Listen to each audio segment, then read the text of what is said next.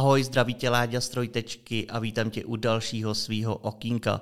Dneska navážeme na předešlé dvě okýnka, které jsou vlastně takovým seriálem. Dneska to zakončíme o cestě seberozvojem, tak jak eh, třeba si ji vedu já, nebo jak pracuji se svými klienty.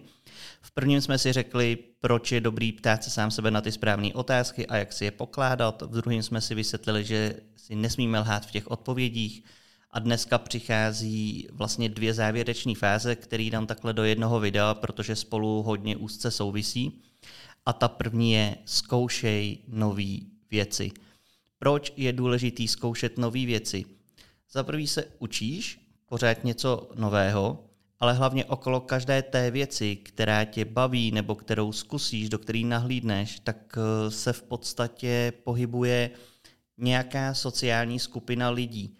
Za prvé tam můžeš poznat jako, že zajímaví lidi, můžeš tam poznat inspiraci, můžeš tam poznat úplně nový směr svého života, co by tě bavilo poznat něco úplně nového s někým, kdo tě to vysvětlí nebo tě to naučí úplně jinak, než eh, se to dělá ve škole, v různých kurzech a tak. Vlastně přijdeš k tomu, jak se říká, jako slepej k houslím a tím seš pořád mezi lidma, máš lepší rozhled eh, na svět nebo na svoje okolí, protože tím, že máš mnohem víc sociálních skupin okolo sebe a každý ty lidi jsou jiní. Eh, třeba lidi pracující v sociálních službách, tak eh, je to úplně třeba jiný okruh lidí, než jsou nějaký investiční biznismeni, který přemýšlí úplně jinak. Ale ty, pokud tě z každý z těchto věcí uh, něco zajímá a poznáš ty lidi z obou těch skupin, tak už si to v sobě můžeš jako porovnávat a mnohem lépe můžeš kriticky nahlížet na svůj život, na své okolí, na to, proč se lidi nějak chovají, protože budeš mít mnohem víc informací, mnohem víc eh, nápadů a pohledů a hlavně nebudeš se nudit, takže tvůj mozek nebude zaujatý v tom, že je k ničemu a nebudeš spadávat do nějakých jako depresí nebo úzkostí, protože pořád zkoušíš něco nového. Takže pořád zažíváš a jak jsme si už říkali, eh, i malý úspěch je úspěch a ty pořád zažíváš menší nebo větší úspěchy, protože se učíš něco nového, tak poznáváš nové informace, zkoušíš si je a najednou zjišťuješ, že umíš něco, co si před týdnem ještě neuměl nebo neuměla.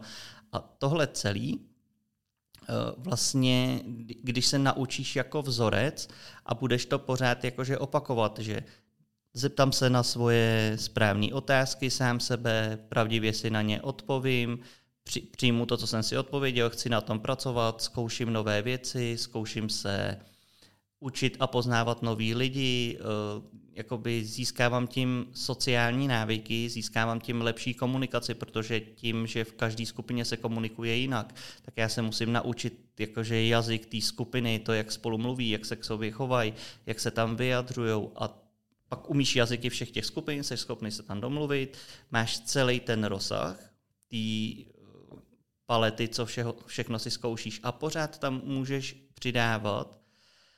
A je, je to jako naplňující pocit, protože tím, že se pořád učíš něco nového, tak pořád něco nového získáváš a pořád zažíváš ty úspěchy a člověka to nějakým způsobem hře. A potom jako máš okolo sebe i spoustu lidí, s kterými můžeš kdykoliv někam zajít a každou tu sociální skupinu máš na úplně jiný téma, o čem se s nima chceš bavit a kolikrát ty témata záměrně třeba křížíš, protože každá skupina ti dá jiný názor, jiný pohled a ty si pak můžeš lépe vybrat, lépe zapojit třeba kritické myšlení nebo nějaký rozhodování.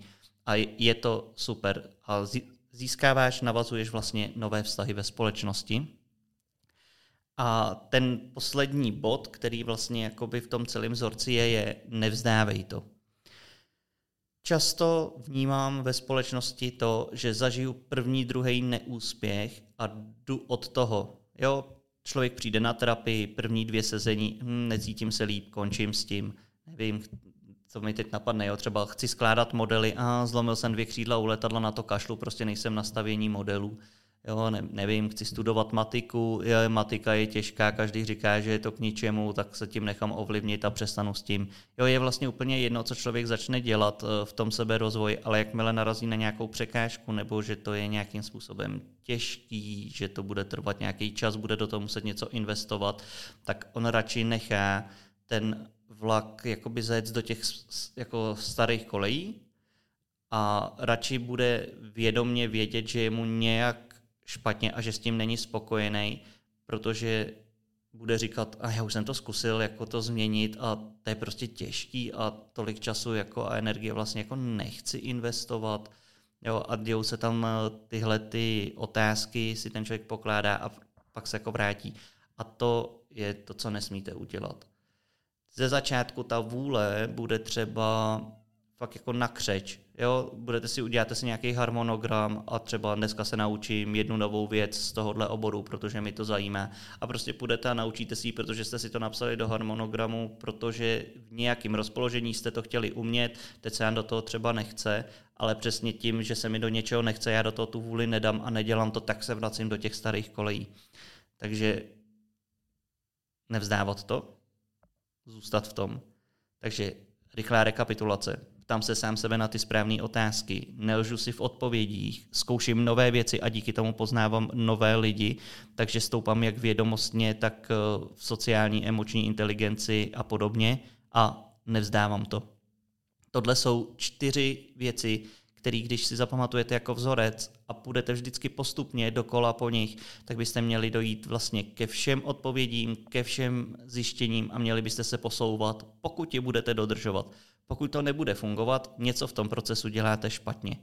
Jo, a jsme u dvojky, nelžeme si sami sobě, přiznejme si, něco v tom procesu dělám špatně, asi sám sobě v něčem jako lžu, že to jako dělám, abych si to jako vnitřně v hlavě obhájil, ale to není ta cesta. Opravdu skutečně vnitřně, tak jak to cítíte, to dělejte. A jak říkám vždycky, kdybyste chtěli tyhle okénka vidět dřív, chtěli jste vidět dřív, kdo k nám přijde do podcastu za hosta, chtěli jste vidět naše podcasty v celé délce bez reklam, kde většinou je ještě jednou tolik obsahu, protože většinou si povídáme s naším hostem hodinku a půl, 40 minut máte potom eh, daný vlastně na YouTube, na streamovacích platformách a u nás na herohero.co lomeno trojtečka tak eh, naleznete celou délku a další informace o našem podcastu. Všem děkujeme za podporu a vidíme se u dalšího videa.